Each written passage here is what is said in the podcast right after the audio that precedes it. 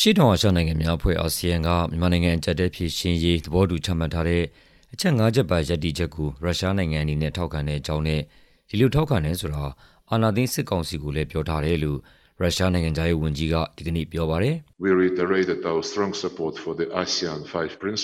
“ အာဆီယံရဲ့ရပ်တည်ချက်ငါးချက်ကိုကျနော်တို့အခိုင်အမာထောက်ခံတယ်ဆိုတာထပ်ပြောပါရစေ။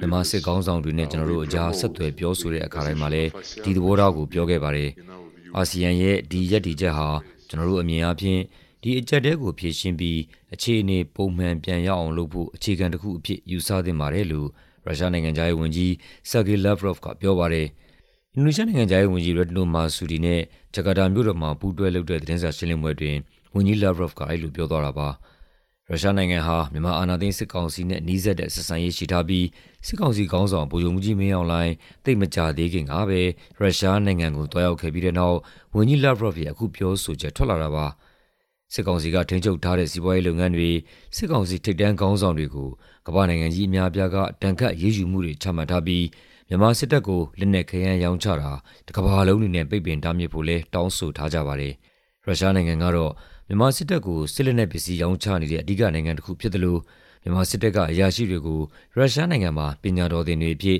လက်ခံသင်ကြားပေးနေပါတယ်။